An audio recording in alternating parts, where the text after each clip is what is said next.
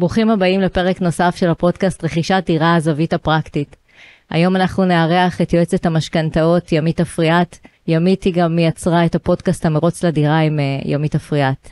פתיח קצר ואנחנו מתחילים. רכישת דירה, זווית הפרקטית, כל מה שאתם צריכים לדעת על רכישת דירה, עם עורכת הדין מירי יעקב גביש.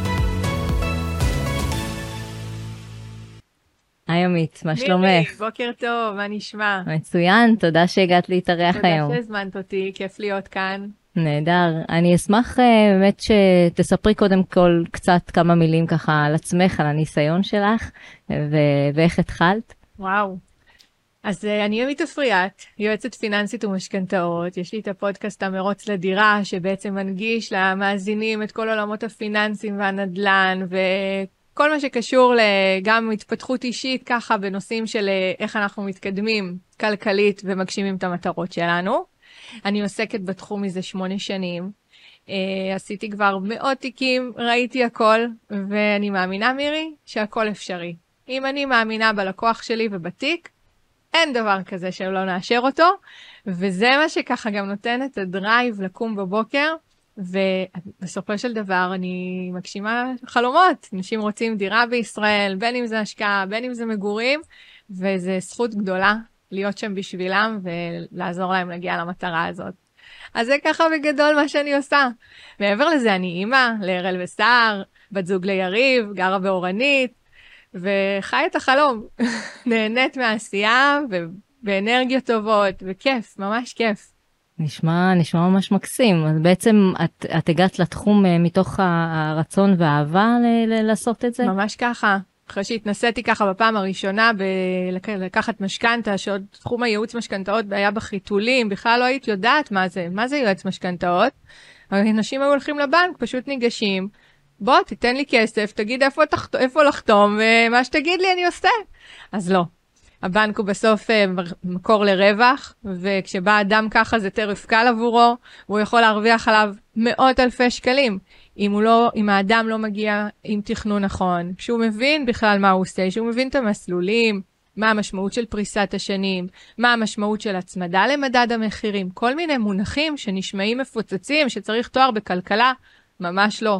לא צריך להיות מומחה גאון במימון או תואר בכלכלה בשביל להבין את הדברים ואת ההשלכות שלהם. רצוי, כשאתה לא לקחת יועץ, נגיד לא לקחת יועץ, תקרא, תבין מה המשמעות של כל מסלול, איך אתה מתכונן לתהליך הזה, מה יכולת ההחזר שלך, ותיגש לעשות את זה כשידך בעליונה, ולא שאתה בא כמו איזה קבצן ומתחנן לבנק שיאשר. כי אם אתה לקוח טוב עם הכנסות טובות והתנהלות תקינה, הבנק חפץ בעיקרך, ישמח לתת לך הלוואה וגם בתנאים הטובים ביותר. אז רק תבוא מוכן, תבוא עם הביטחון, ותוכל שכל האפשרויות יהיו פרוסות לפניך. אז באמת מצד אחד אנחנו רואים בשנים האחרונות שיש יותר עלייה באנשים ש, שמשתמשים בשירותים של יועצי נכון. משכנתאות ועדיין יש אנשים שבוחרים ללכת לתהליך הזה לבד. כן. מה, מה באמת היית ממליצה להם ממה להתחיל? עכשיו בן אדם רוצה משפחה, זוג, רוצים לקנות דירה.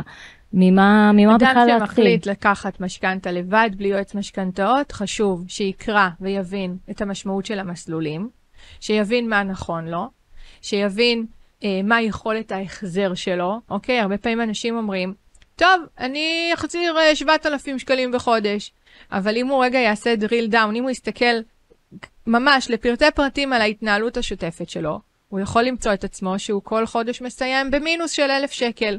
והוא גר היום בשכירות ב-4,000 שקלים. איך 7,000 שקל משכנתה החזר חודשי מסתדר פה? אז יכול להיות שמבחינת ההכנסה שלו, ושהבנק בודק את יכולת ההחזר רגולטורית, 40% מההכנסה, יכול להיות שזה עובר. אבל הוא אמיתי למשק הבית שלו, לא מתאים לו 40 הוא צריך להיות ב-20 או ב-30 הוא צריך להבין אמיתי מה יכולת ההחזר שלו, ולפי זה לבנות. להגיד, אוקיי, אם אני רציתי מיליון שקלים, ומיליון שקלים היום, מירי, החזר חודשי סדר גודל של חמש וחצי אלף שקל. מיליון שקל, שזה היום, את יודעת, כן, משכנתה ממוצעת, היא 950 אלף שקל, זה הפך להיות כן. סטנדרט. לכמה שנים? 30 שנה. 30 שנה. 30 שנה, חמש וחצי אלף שקל. אז אם אני לא יכול לעמוד בחמש וחצי, אז כנראה שאני לא יכול לקחת מיליון. אז כמה אני כן? אוקיי, אני יכול ארבע וחצי, אז כנראה ש-900 אלף. ככה להבין, ואז לגשת גם בכלל לחיפוש הדירה עוד לפני הבנק. לראות שבאמת הדירות שמוצעות במחירים האלה לצד יכולת ההחזר שלי, מתאימות למה שאני מחפש. ואם לא, אולי לבחון שזה לא הזמן לקנות דירה למגורים, ולהשתמש בהון העצמי וביכולת ההחזר הנוכחית, אולי לקנות דירה להשקעה, אולי בכלל לחכות ולא לקנות עדיין, זה גם בסדר. הכי חשוב להבין מה היכולת החזר. זה הדבר הראשון שאתה צריך לעשות לבד או עם הבת זוג, בן זוג, להבין מה היכולות שלנו, ולא להגיד יהיה בסדר. תודה. גם אה, בעצם כשמסתכלים אה, על זה צריך, כמו שאתה אומר, זה ל-30 שנה קדימה.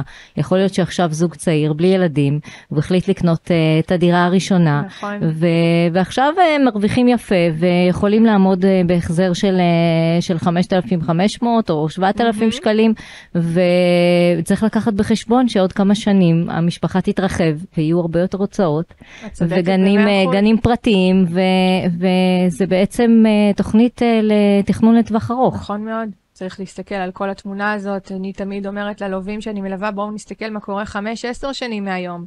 מבחינה תעסוקתית, מבחינה משפחתית, איפה אתם רואים את עצמכם, איזה כספים אולי עוד עתידים להיכנס אליכם, מכל מיני מקורות, אולי חסכונות, אולי יש להם בעבודה מניות שמשתחרר בעוד איקס זמן, אולי יש ירושה לא, שצפויה לא עלינו, כל מיני דברים, בשביל לקבל תמונה וביטחון מלא שמה שהם עושים עכשיו הם ערוכים לתרחישים וגם תרחישי קטסטרופה. לראות שעושים את זה בצורה ממש מושכלת ומפוקחת, זה מאוד חשוב. אז את בעצם גם מביאה למודעות שלהם את, ש... את שאר הגורמים, ולא רק, אה, טוב, בוא נבדוק, אתם יכולים עכשיו לשלם, בדיוק. ואני אשיג לכם את המשכנתה הכי טובה, אבל מצד שני זה קצת, אה, יכולים להגיד, אה, זה סותר את האינטרס שלך, כי את רוצה שהם ייקחו משכנתה, כי, כי אז את מקבלת בעצם את השכר טרחה שלך. את יודעת כמה צ'קים קראתי בחיים שלי?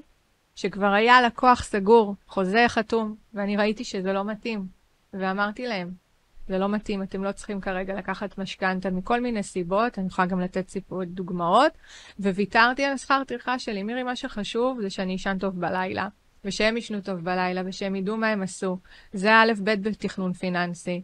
אם אני לא אשן טוב, אין, אין, אין, אין לי מה לעשות פה בכלל ביקום, אוקיי? כאילו, יותר uh, מעבר להכל. זה הכי חשוב לי. ואני, אני, עכשיו, השבוע שעבר הייתה מישהי שרצתה להקטין את ההחזר החודשי שלה בצורה משמעותית. אה, יש איזה פתרון כזה לגיל השלישי, לבני 60 פלוס, שהם יכולים להפוך משכנתה למוצר שלא מחזירים כלום. לא, לא קרן, לא ריבית, אפס. עד יום מותם, וביום מותם היורשים צריכים להתמודד עם החוב. עכשיו, הגברת מרוויחה טוב בינתיים, בת 60 וקצת, 62, כן. עוד לא יצאה לפנסיה. זה צובר ריביות. יפות, כן.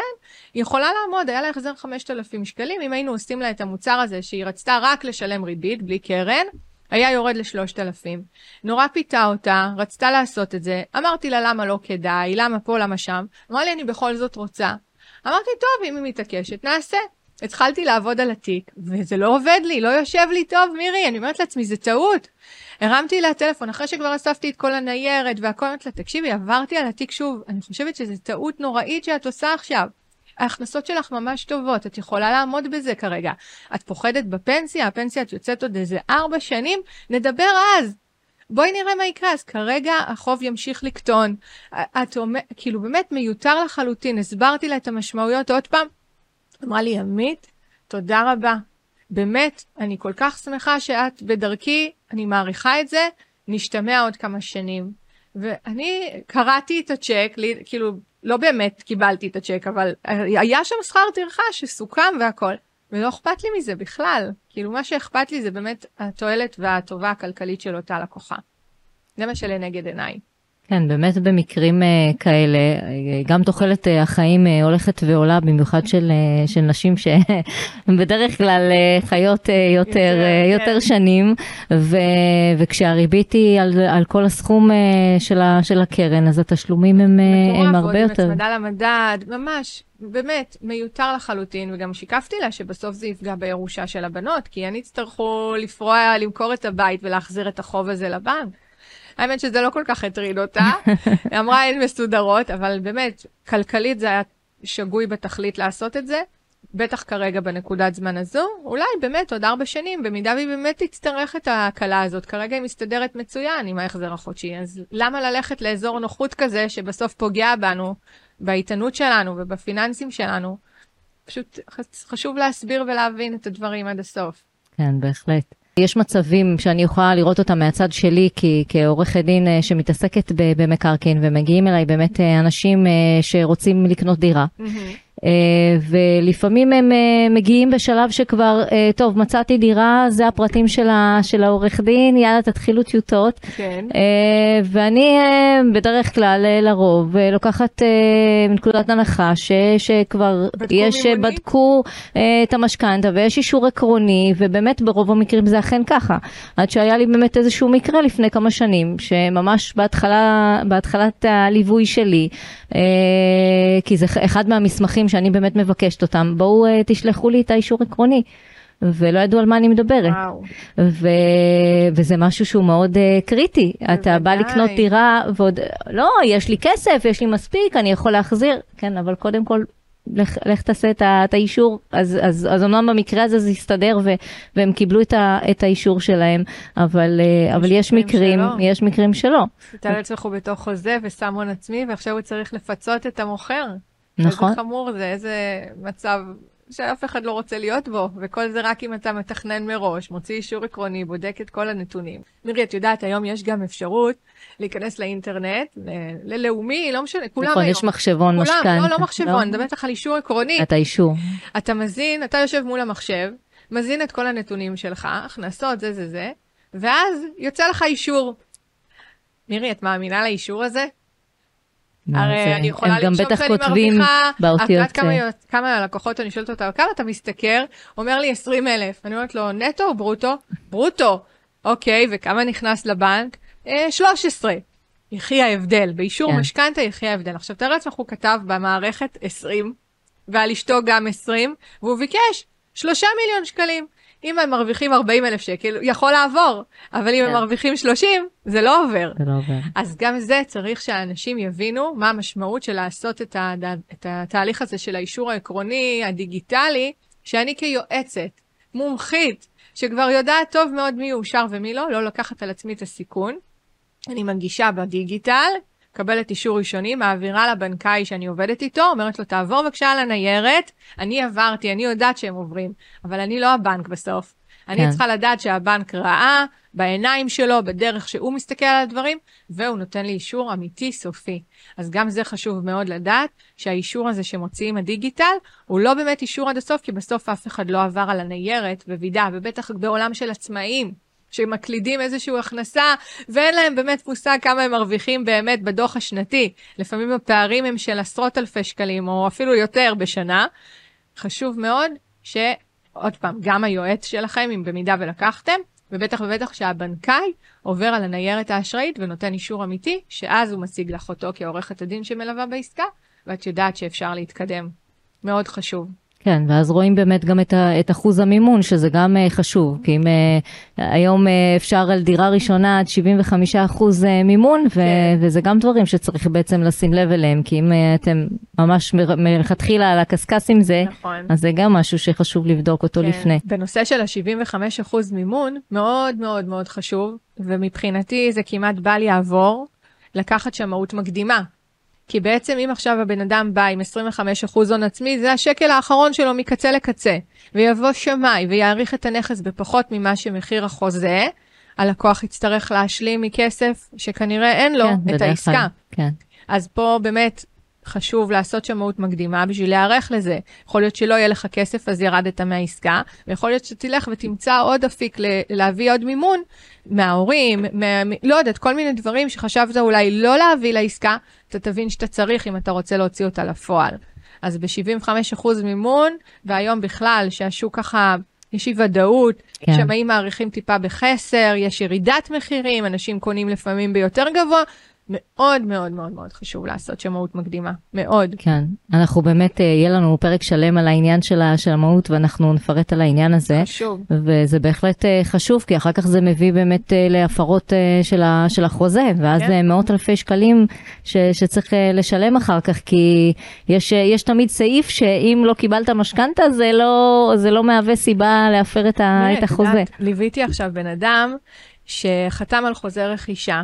והיה איזה עניינים עם המינהל והנכס שלא היו מסודרים, והעורך דין של הלקוח שלי הכניס סעיף בחוזה שאומר שאם עד תאריך מסוים הם לא מסדירים, הלקוח שלי נכנס לגור בבית עוד לפני שהוא שילם את מלוא התמורה. מטורף. ואז מה שקרה, לא הצליחו לקבל משכנתה בגלל אותם עניינים רישומיים, והשמאי לא הצליח לזהות את הנכס, ובטח ידבר על זה השמאי בפרק שלו. ואז אני נכנסתי לתמונה אחרי שהבן אדם גר בבית כבר שנה וחצי, עשה שם שיפוץ של מעל מיליון שקל, וואו. היה בשני בנקים, שני יועצים, שני שמאים היו בנכס, הוא לא הצליח לקבל משכנתה.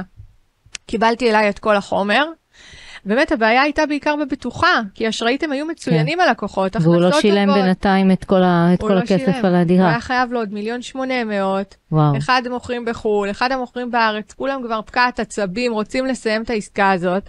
הוא הגיע אליי, הוא סיפר לי על הכל, איזה 40 דקות שיחה, ואני מקשיבה, ואני אומרת לעצמי, ימית, אה, אני לא יודעת איך, אבל הבן אדם הזה, אני חייבת לפתור לו את הדבר הזה. לקחתי את כל החומר, לקחתי שמאי תותח, דיברתי איתו, הסברתי לו, אמרתי, תקשיב, אני לא יודעת מה אנחנו עושים פה, חייבים להעביר את זה, כאילו בוא נמצא, אם צריך לסדר בתסריטים, אז נלך ונעשה, כל מה שצריך, המינהל, הכל הכל נסדר, באמת עבדנו אינטנסיבי מול המינהל, מול השמאי, מול העורך דין, במשך לא הרבה זמן גם יחסית, כשלושה שבועות. אחרי חודש הוא כבר קיבל את המשכנתה, ששנה וחצי הוא כבר היה בהפרת חוזה גם, כל מיני, סבטוחה גדולה מאוד. אז באמת, כאילו, הרבה פעמים התפיסה היא שיועץ משכנתאות, התפקיד שלו זה להביא לי את הריבית הכי טובה. כן. אז זה חשוב ריבית, אין ספק, ואני מביאה ריביות הכי נמוכות שרק אפשר. אבל צריך להבין שהתפקיד של היועץ משכנתאות זה לא רק זה. הוא, יש לו ראייה הוליסטית, הוא יודע לנהל ולתפעל את כל הגורמים שקשורים לתהליך, וזה בעיניי הערך מוסף של יועץ טוב. ריבית טובה, את יכולה ללכת לבד להביא. אני אנחה אותך, אני אגיד לך, מירי, תבקשי ככה וככה, תלכי, את יכולה בעצמך. אולי ייקח לך יותר זמן ממה שייקח לי.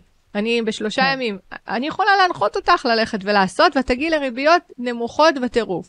אבל זה לא רק הדבר הזה, מה קורה בצד התפעולי של עוד דברים, שיועץ טוב יודע לג'נגל ולפתור, ולפעמים בעיות במחלקה המשפטית בבנק פתאום צצות, כל מיני דברים שיועץ טוב יודע לנהל את זה. כן. אז זה בעיניי הערך המוסף של יועץ טוב.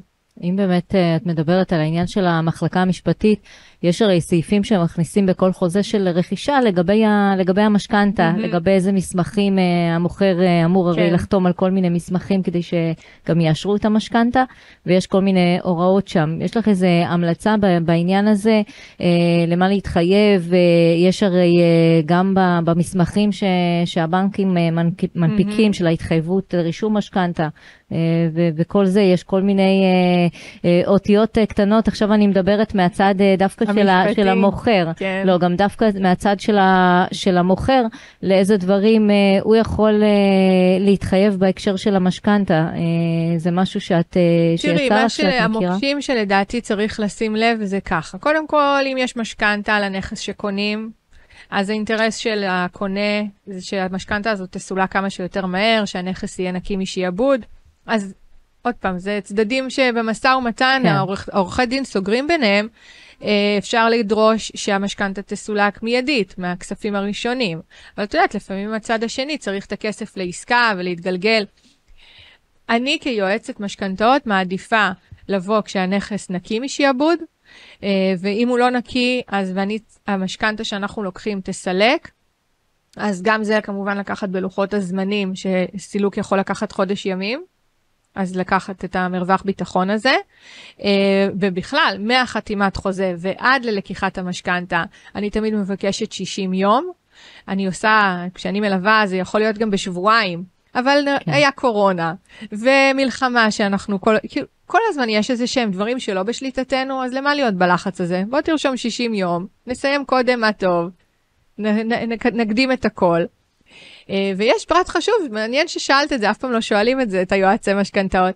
אה, נאמנות, כל הנושא של נאמנות, של העברת כספים, אז הרבה פעמים מירי נכון משאירים לסוף איזשהו סכום עד שמקבלים את כל אישורי המיסים. כן. אז uh, שימו לב, עורכי הדין והלקוחות, שאם משאירים סכום של מעל 100 אלף שקל לסוף, נדרש חשבון נאמנות ספציפי.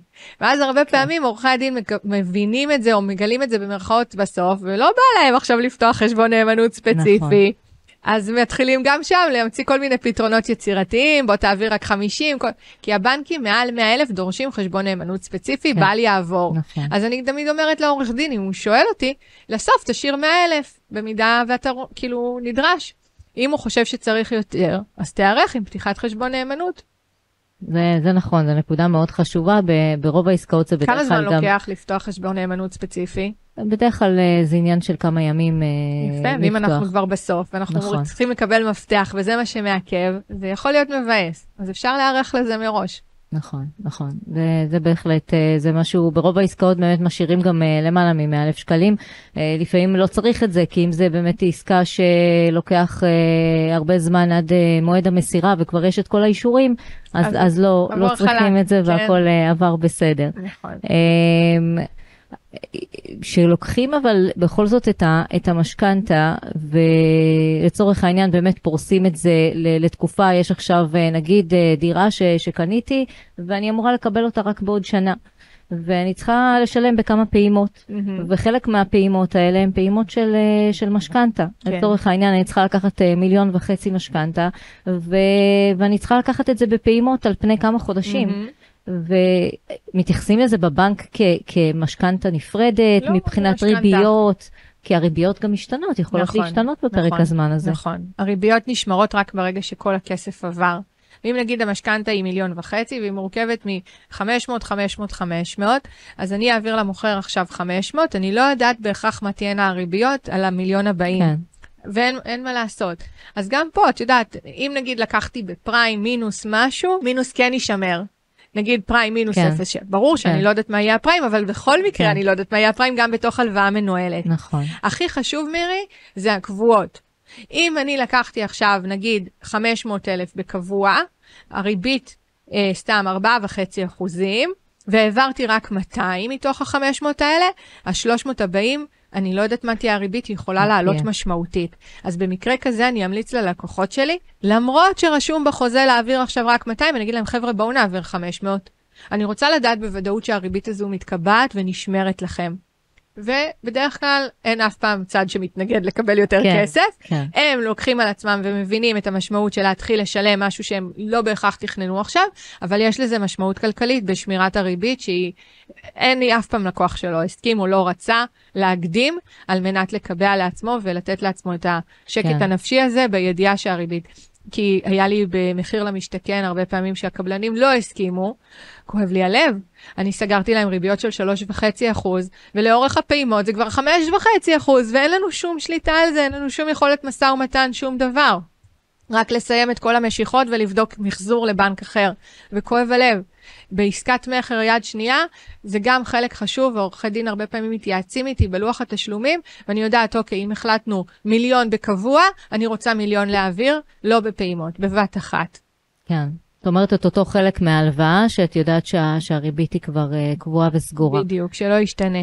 אין איזשהו אה, אה, פתרון אה, ביניים, נגיד אה, למשל אה, מבחינה משפטית אה, ממליצים לי שלא כדאי לי להעביר אה, סכום כל כך גבוה, נגיד אה, להקדים תשלומים, אה, ובכל זאת אני רוצה לשמור את הריביות, אין אפשרות אה, לשים את הכסף הזה, לקחת, להתחיל לשלם עליו ולשים לא. אותו באיזשהו חשבון, לא, אה, לא. בחשבון לא. של, של המשכנתה? כי, כי זה למשל אפשרי ב... כשעושים גרירה של משכנתה, לצורך העניין. פיקדון זמני, את צודקת, אבל זה לא קיים את האפשרות הזאת במשכנתה חדשה. חייב הכסף לעבור ישירות למוכרים ולא לשום מקום אחר ואין תחנת ביניים. גם אם זה בחשבון בבנק שהוא סגור. כן. אה, לא. אוקיי. ואם באמת אני מדברת על גרירת משכנתה, הרבה פעמים אה, מגיעים אליי לקוחות שהם אה, קונים, אה, מכרו דירה וקונים דירה אחרת וצריכים להגדיל את סכום המשכנתה, ויש תמיד את ההתלבטות הזאת סביב אם לגרור את המשכנתה או לפרוע אותה ולקחת חדשה. נכון. אני מניחה שזה גם תלוי המצב בשוק, צודקת. כי, כי עכשיו הריביות למשל מאוד מאוד גבוהות, נכון מאוד. ומי שלקח משכנתה לפני חמש שנים, אז הריביות או שלו היו, שנתיים, כן, כן. היו הרבה יותר נמוכות. אז, אז בעצם במקרים כאלה כדאי, אה, כדאי לגרור את המשכנתה, ומקסימום לוקחים השלמה של, של מה שצריך. בהחלט, את צודקת במאה אחוז, בהחלט שווה בדיקה דבר כזה, סביבת הריבית יותר גבוהה, אז בעצם אנחנו יכולים לבחון את הגרירה, שזה ממש מכרנו, לקחנו את המשכנתה והעברנו את השיעבוד לנכס החדש שלנו. במידה ואנחנו צריכים תוספת, אז לפעמים יש קצת בעייתיות. למה? כי נגיד, והם לקחו משכנתה לפני 7-8 שנים, היא כבר לתקופה יחסית, עוד פעם, כן. במונחי משכנתה קצרה, החזר חודשי גבוה יחסית, 5.5-6, ופתאום הם צריכים עוד כמה מאות אלפים, יכול להיות שהם יצטרכו לפרוס מחדש הכל ל-30 בכדי לעמוד בהחזר חודשי שהם רוצים. ואז הם בעצם עושים... אה, ואז חייב חדשה. ואז לא, זה לא מחזר, לא- פשוט זה סגירה פשוט חזר. וחדשה. חדשה. אם ההחזר החודשי מתאים, וגם עם התוספת, בהחלט שווה לבחון uh, גרירה. זה יכול להוזיל משמעותית את התנאים, ולפעמים אפילו עם הריביות שהן כל כך נמוכות, אל מול תוספת בריביות גבוהות יותר, ושקלול של הכל גם יכול לצאת כדאי. Uh, וחשוב באמת להבין שבגרירה, בעיקר מנכס אחד לשני באותו זמן, לוח התשלומים צריך להיות מאוד מאוד אה, חופף. אה, נדרש פה באמת ככה עורך דין שגם מבין בזה, כי מי שמפספס, אה, זה יכול להיות קטסטרופה לא, לא קטנה אה, בנושא הגרירה, זה קצת קוץ בתחת לכולם הנושא הזה. צריך אה, שיהיה, אה, שה... אני צריכה, נגיד אני מכרתי, אני צריכה לקבל עכשיו את הסכום כולל איזושהי תוספת, ואז בגרירה, כשאני מביאה מכתב כוונות לגרירה, המוכר שלי מעביר כאילו לצד, זה קצת מסובך כזה, הכל פתיר כמובן, ו, וכמובן מותנה במכירה. אין תרחיש לגרור אם לא מכרתי, נגיד משהו שאני רוצה עתידי. אני חייב, אם אני קונה, חייב יש, למכור אבל, קודם. יש, יש מצבים uh, שאנשים באמת uh, מוכרים, מחליטים לגרור את המשכנתה, הכספים uh, יושבים uh, בפיקדון בעצם uh. בפיקדון, הם ממשיכים לשלם את, נכון. ה, את המשכנתה, ולפעמים גם יכול uh, לעבור פרק uh, זמן uh, לא קצר עד שהם קונים זה דירה עד נוספת. שנתיים אפשר להשאיר עד פיקדון שנתיים. זמני, כן. הבנתי. וזה גם נחמד, אם התנאים כל כך טובים, שווה לך להמשיך לשלם חודש בחודשו על אף שמכרת, ולחכות לקנייה, ואז לגרור. כן. אבל בכל מקרה כדאי לבדוק אה, בכל מקרה לגופו, אני גם חשוב לי לה- להדגיש שאנחנו פה לא נותנים ייעוץ אה, נכון לא מאוד. משפטי ולא אה, ייעוץ משכנתאות לאף אחד, כדאי לבדוק כי זה לא רק עניין של הריבית, האפשרויות. זה לא רק עניין של הריבית, נכון שזה, שזה משפיע כשהריבית היא מאוד גבוהה, אבל יש גם בדרך כלל מחלקים את המשכנתה ולוקחים אותה בכמה מסלולים, יכול להיות מצב של פיצול. שלצורך העניין לקחתי את המשכנתה בשלושה מסלולים, ויש לי מסלול של, אה, של פריים שקיבלתי, אה, מסלול יפה, אה, סתם דוגמה, פריים מינוס אחד, אה, כן, ו, ואני רוצה לשמור עליו, אבל יש לי אפשר מסלול אחר שאני, שאני כן הייתי מעדיפה. לפרוע, בהחלט. את יכולה לבוא ולפרוע את המסלול היקר, להישאר עם המסלול הזול, לגרור אותו, הכל אפשרי. יש את הגמישות כן, הזאת, את בהחלט. אומרת. אוקיי. אה, עכשיו, אני, אני אשמח אה, לשמוע ממך אה, כמישהי שבאמת אה, מנוסה בתחום, וגם אני מבינה שגם את אה, היית מהמייסדים של, אה, של העמותה של, אה, התאחדות. יועצי המשכנתאות, כן. כן, שמה זה באמת אומר? ההתאחדות קמה מאיזשהו אה, מצוקה. מה זה מצוקה? רצו לחסל את המקצוע הזה. היה אחד הבנקים קם בבוקר, אמר נמאס לי מהם, הם מקטינים לי את הרווח, בואו נראה איך אנחנו מכחידים את התחום הזה. הוא היה מגרש יועצים מהסניפים, הוא, הוא לא הרשה ליועצים להתקשר למוקדים לקבל מידע, היינו עולים על הקו עם לקוח, הם היו אומרים לא, אם הלקוח, אה, היו אומרים ללקוח, אם היועץ איתך, אנחנו לא מנהלים את השיחה. וואו. ממש מידרו אותנו. בריונות לשמה. ממש. ואני הייתי יועצת בתחילת הדרך שלי, באה עם כל המוטיבציה והשליחות, ואני אומרת לעצמי, מה? איך יכול להיות שבנק ימנע מהלקוחות ייעוץ אובייקטיבי? איפה נשמע דבר כזה? ככה דפקנו על שולחנות. היה לי קבוצת פייסבוק עם קולגה שלי, של יועצים, שהיינו משתפים אחד את השני בכל מיני דברים, איזה שמאי מומלץ, איזה בנקאי מומלץ, אה, סיורי מוחות וזה. הייתה קבוצה קטנה של כמה עשרות יועצים. אספנו אותם, הגדנו, אמרנו להם, תקשיבו, לא יכול להיות הסיטואציה הזאת, אנחנו צריכים לעלות לכנסת עם לובי, עם יח"צ, עם יועץ משפטי, ואנחנו צריכים לא, להפר את רוע הגזירה הזו. אספנו מהם כסף, כל אחד רשם צ'ק של אלף ומשהו שקל. למחרת עלינו לכנסת עם כל הלובי וכל מה שצריך. ובאמת, יושב ראש ועדת הכנסים, הכספים דאז היה גפני, הבין כמה זה חמור, ומיד, תוך, אני מדברת איתך מירי, שלושה חודשים הצלחנו לשנות את הגזרה הזאת ויצאה הוראה של בנק ישראל שאומרת שאין דבר כזה שהבנקים לא יקבלו את היועצים האובייקטיביים, חייבים, הם היו מנהלים רשימות עלינו. אם נגיד אני הייתי עושה התמחרות בינלאומי, למזרחי, לפה, לשם, וסוגרת, היו אומרים, אה, היא לא סוגרת אצלנו בגלל מחיר, לא רוצים לעבוד איתה, דברים כאלה. כן. אין את זה היום. אין את זה היום, כולם באמת מבינים שיש תחרות ויש יועצים, וכדאי לשתף איתנו פעולה, כי בסוף אנחנו גם מספקים את העבודה, מביאים את התיק מוכן, מושלם, את הלקוח, אז היום הם מחבקים אותנו. וההתאחדות שהייתה 70 איש ו-300, היום כבר מונה 1,300 יועצים, וואו. שעוברים השתלמויות וכנסים מקצועיים, וכל היום יש רשת שמאחדת אותנו בעיקר בוואטסאפ לשיתופים וסיורי מוחות ופתרונות יצירתיים שאנחנו באמת מבינים, כולם מירי, בתודעת שפע. את לא מבינה איזה עזרה ואיזה קולגיאליות שאני לפעמים, אני, אשמע רגשנית מדי, אבל לפעמים אני מזילה דמעה סתם מלקרוא. כי את, בסוף זה אנשים, והידע שאני עכשיו פתרתי איזשהו תיק, ומחר מישהו צריך, ואני אדע לעזור לו ולהכווין אותו, בשביל שעוד פעם, גם הוא יצליח וגם המשפחה שהוא מלווה, אין לזה מחיר, אין לזה, ואת יודעת, בהרבה מקצועות אין את ה... הקולגיאליות הזאת. אין את זה, וחבל, כי בסוף באמת אנחנו עוזרים אחד לשני, נוצרו שותפויות אמיתיות של חברות בע"מ, נוצרו מתוך ההתאחדות, נוצרו שותפויות של אה, אה, ש... את לא, כאילו, אני צריכה עזרה באיזה משהו שאני לא מומחית בו, לוקחת לצידי את מי שכן מומחה בו, ואנחנו פותרים הכל ביחד, למה לא? אז השכר טרחה יהיה קצת יותר נמוך, אז מה? עדיף מכלום, לא? נכון. עדיף מכלום, וכמובן שעל הדרך את לומדת, בפעם הבאה את כן תוכלי לעשות את זה לעשות, לבד. כן. אז להיות בתודעת שפע, וזה בעיניי באמת היום המהות בהתאחדות. העזרה הזאת, ה...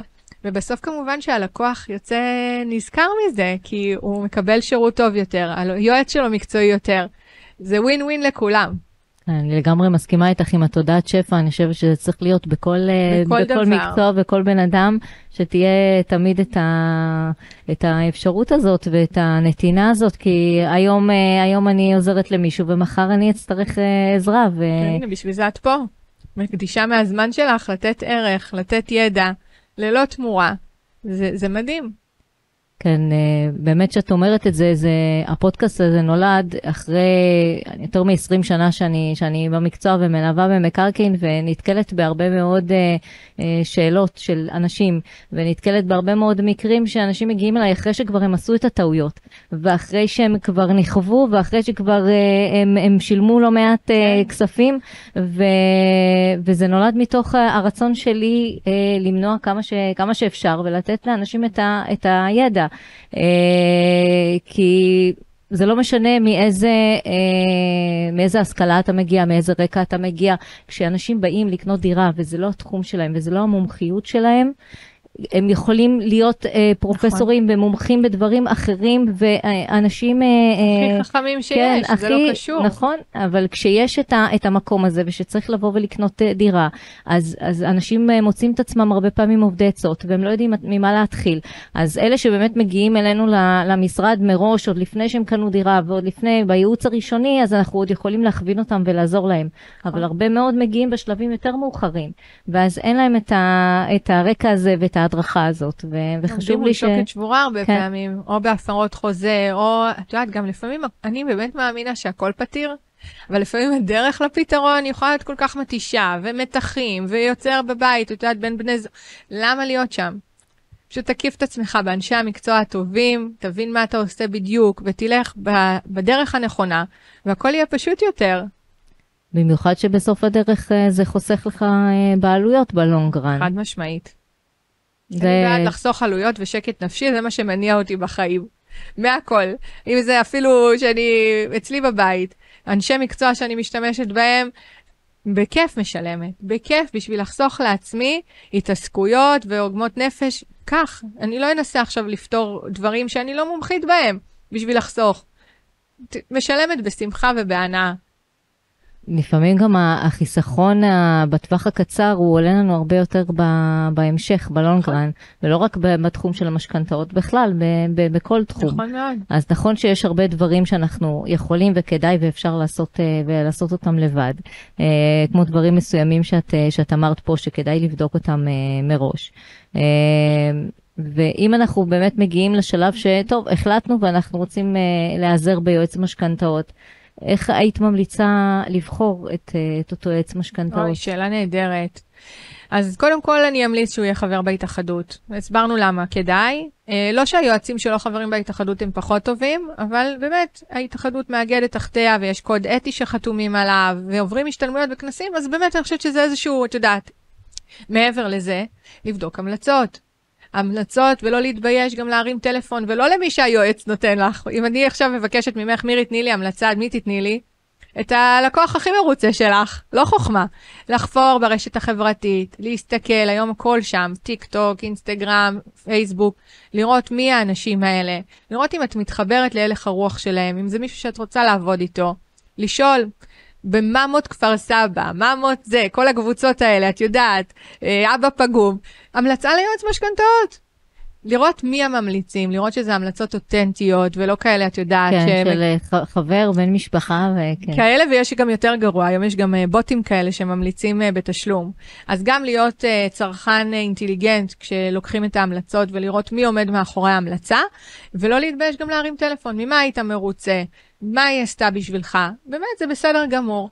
ואין כמו, את יודעת, מישהו ממקור ראשון שעבר עכשיו איזשהו תהליך, מישהו קרוב אלייך שהיה מרוצה, זה תמיד יהיה הכי טוב. מישהו שסומכים עליו. אם כן. אין לך בקרבתך מישהו כזה, וגם להיכנס, לראות עוד פעם מי הוא, מה הוא מציע, מה הלך הרוח שלו, באיזה תודעה הוא נמצא. יש משמעות למיקום הגיאוגרפי? כאילו לצורך העניין, אם אני עכשיו רוצה לקחת אה, אה, משכנתה בבנק בפתח תקווה, ו- mm-hmm. והמליצו לי על איזשהו יועץ מדרום הארץ, יש, יש משמעות? לדעתי לא, לא. אה, היום באמת, כמו גם בגלל ההתאחדות, אז אנחנו ככה... אה, אין שום משמעות גיאוגרפית. אה, אני, לצורך העניין, אם אני עובדת גם עם סניפים מסוימים במרכז, אני יודעת להביא משם תנאים שלא בהכרח אני אדע להביא מאותו סניף אה, בבאר שבע. אז הלקוח יבוא למרכז פעם אחת, לא יקרה כלום. והיום יש גם חתימות בדיגיטל בחלק מהבנקים, אז העניין הגיאוגרפי פחות משמעותי. אה, ריבית, את יודעת, בסוף זה ריבית. פחות זיקה לנכס יש לנו היועצי משכנתאות. כן, אני מכירה כן, גם שמאים ש... בכל כן. הארץ לצורך העניין. כן. אני יודעת להמליץ על שמאי טוב גם בקריית שמונה, גם בקריית אתא, גם בכפר סבא וגם בבאר שבע. וזה עוד פעם, אני זוקפת לזכות ההתאחדות, שאנחנו חוצים גיאוגרפית בזכות הקשרים שלנו. אז יש לי את החברה שלי בבאר שבע, שאני אדע לסמוך על ההמלצה שלה, של השמאי שהיא תיתן לי. כי זה המומחיות שלה שם. וגם הרבה פעמים אנחנו כן נפרגן אחד לשני. אם הלקוח מאוד רוצה מישהו באזור באזור. שלו, אני אמליץ בשמחה על, על קולגה שלי בצפון או בדרום, ויאחל לו כן. בהצלחה, בכיף. לא, לא לכל אחד באמת אה, מתאים להגיע מה, מהצפון כן. למרכז. אה, וזה בסדר, עם... ואני אתן לו והוא יהיה בידיים טובות אצל מישהו אחר. ויש, אה, אני מניחה, גם כשלוקחים יועץ משכנתאות, אה, יש איזה שהם אה, מסמכים, מסמכי התקשרות, איזשהו mm-hmm. הסכם שחותמים עליו. יש לך איזושהי המלצה? זה, זה משהו שהוא בדרך כלל נוסח, אני אוהבת את השאלות שלך, מירי. ההמלצה שלי, ותקשיבו טוב, מאזינים, לא לשלם את שכר הטרחה במלואו מראש. בבקשה, לא ליפול שם. יש לצערי, כמו בכל תחום, מירי, אנשים פחות הגונים, פחות טובים, שמקבלים את הכסף ולא בהכרח מספקים את הסחורה. אל תשלמו את הכל מראש. אני באופן אישי גובה מחצית בהתחלה, מחצית בסוף. אם הלקוח ירגיש לא בנוח עם זה מאיזושהי סיבה, למרות שעוד פעם, הם מגיעים בדרך כלל מפה לאוזן, מהמלצות, אז הם לא, אין שיח על זה. אבל היה כמה שאתה רוצה. אלפ... מה שאתה רוצה, כאילו באמת, שזה לא יהיה אישיו. אם אתה מרגיש שהאישיו סביב השכר טרחה והכסף, כדאי לבדוק טוב את העניין הזה. זה הדבר הכי חשוב בעיניי, וכמובן שכל מה שאתה אומר ללקוח שאתה הולך לתת לו, שיבוא לידי ביטוי גם בהסכם ההתקשרות. אם אני אומרת ללקוח שאני עושה לו בדיקה כל שנה על המשכנתה שלו בכדי לבדוק שהתנאים לא השתנו, שריביות, אז זה רשום לי בהסכם. רשום בהסכם שאני עושה בדיקה כל שנה. אוקיי, אז כל מה שמבטיחים, שיבוא לידי ביטוי, כי גם את יודעת, לפעמים שוכחים, לפעמים משתנים דברים.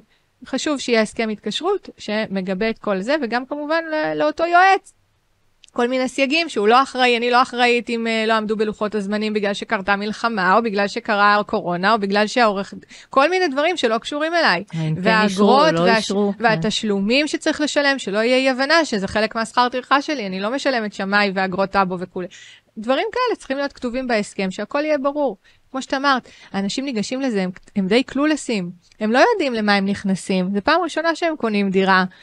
צריך שהכל יהיה ברור, ומה שלנו, גם היועצים לפעמים מובן מאליו, וכאילו נראה לנו טריוויאלי, ללקוח לא, כי זו פעם ראשונה שלו, הוא לא יודע שום דבר לגבי זה. הכל כן. חדש לו, והם צמאים לדעת, והם רוצים לדעת מה הם עושים, והם רוצים להבין. צריך להסביר את הכל, ושיהיה מגובה בכתוב, וזה בסדר. לשני כן, הצדדים זה, זה טוב. בהחלט. אה, וכתוב, אה, אני גם אה, ממליצה תמיד ללקוחות שלי, כל דבר ש, שאומרים להם, הם מבטיחים להם ש, כן. שהכל יהיה כתוב. הייתה לי לקוחה שסיימנו תהליך עכשיו, ואמרתי לה כל הזמן, וגם בהסכם התקשרות כתוב, סיימנו את התהליך והיא הייתה קצת חשדניסטית כזאת. אמרת לי, עמית, אני רוצה בבקשה שתרשמי לי במייל, שאת מבטיחה שאת תהיי שם בשבילי אה, לאורך השנים, אם אני ארצה לבצע עוד פירעונות. כי אמרתי לה כל הזמן, כל פעם שתרצי לעשות פירעון, את מדברת איתי. כתבתי לה במייל, אני מעדכנת בזאת, שמתי שתרצי פירעון מוקדם, את מוזמנת לדבר איתי ואני אעזור ככל שביכולתי, בברכה ימית. אה, זהו, היא הייתה רגועה, נשמה, כאילו, כי יש אנשים גם שבאים כן. עם כל מיני דברים מהעבר. נכון. נכוו מהעבר מאיזשהו איש מקצוע ומגיעים עם קצת חשדות וקצת זה, ואז צריך לשתף עם זה, כאילו, את יודעת, זה נשמע קצת, אה, כאילו היא דורשת ממני משהו, ו, ומה, ואני, מה, היא לא סומכת עליי? לא, כנראה שהיא נפגעה מספיק בעבר, והיא צריכה עכשיו את המייל הזה, ואני אספק לה את המייל הזה, הכל טוב. כן. כי אני יודעת שאני אהיה שם בשבילה, תמיד. יש באמת בהקשר הזה שאת אומרת ש, שאת אה, לפעמים מוסיפה, שאת תעשי בדיקות כל שנה, יש דברים שהם מקובלים, או, או שזה נתון אה, באמת אה, לאותו יועץ משכנתאות? נתון לאותו יועץ משכנתאות. כל אחד נותן את היקף השירות ש, שהוא בעצם מחליט עליו. בהחלט. אבל את אומרת שזה משהו ש, שקיים ואנשים גם יכולים לבקש אותו. שאם הם רוצים uh, שיהיו בדיקות uh, בהמשך. כן. זה משהו ש, שעושים אותו, שהוא... כן, שהוא, תראי, uh... בסוף המשכנתה, אני לא רוצה שזה יהיה נגעת נסעת, לקחנו ושכחנו ממנה. צריך לתחזק את זה. אם יש כדאיות למחזר, אפשר לחסוך עשרות ומאות אלפי שקלים לאורך השנים. אם פתאום חל שינוי במצב ההכנסות שלכם, קפצו משמעותית, בואו נגדיל החזר חודשי, נגמור את המשכנתה מהר יותר, או כל מיני דברים שקורים בחיים. צריך לתחזק את זה, וחלק מהליווי שלי, שאני מתחייבת אליו, זה לעשות את הבדיקות ואת ההתייעצויות האלה. סתם לסבר את האוזן, אה, להזין משכנתה למערכת ולבדוק. יכול לקחת לי חצי שעה, 40 דקות. זה המון זמן, ואני, את יודעת, אנחנו נשות מקצוע, הזמן שלנו זה כסף. זה חלק מהליווי שלי, הבדיקה הזאת כל שנה. או פירעונות, ימית, מה את אומרת? חסכנו 100 אלף שקל, כדאי לפרוע? אני אסתכל איתם, אני אחשוב איתם ביחד, האם כדאי לפרוע, האם אולי אפשר לשים את הכסף במקום אחר, שיניב, כל הז... זה דברים ששווים כסף, זמן. כן. אני שם עבור הלקוחות שלי, וכן, לא כולם בהכרח עושים את זה או מבטיחים את זה, כי גם לא יודעת, לפעמים אנשים לא יודעים איפה הם יהיו. אני יודעת שאני בתחום הזה להישאר, וזה הדבר היחיד שאני מסתייגת ואומרת להם, כל עוד אני חיה ובריאה, כי את יודעת, על זה אין לי שליטה, אבל uh, זה הדבר היחיד שאני מסתייגת בו. אמ, הסתייגות אה, באמת... אה, לאחל לי אריכות ימים. נכונה, לאחל לך כן אריכות ימים.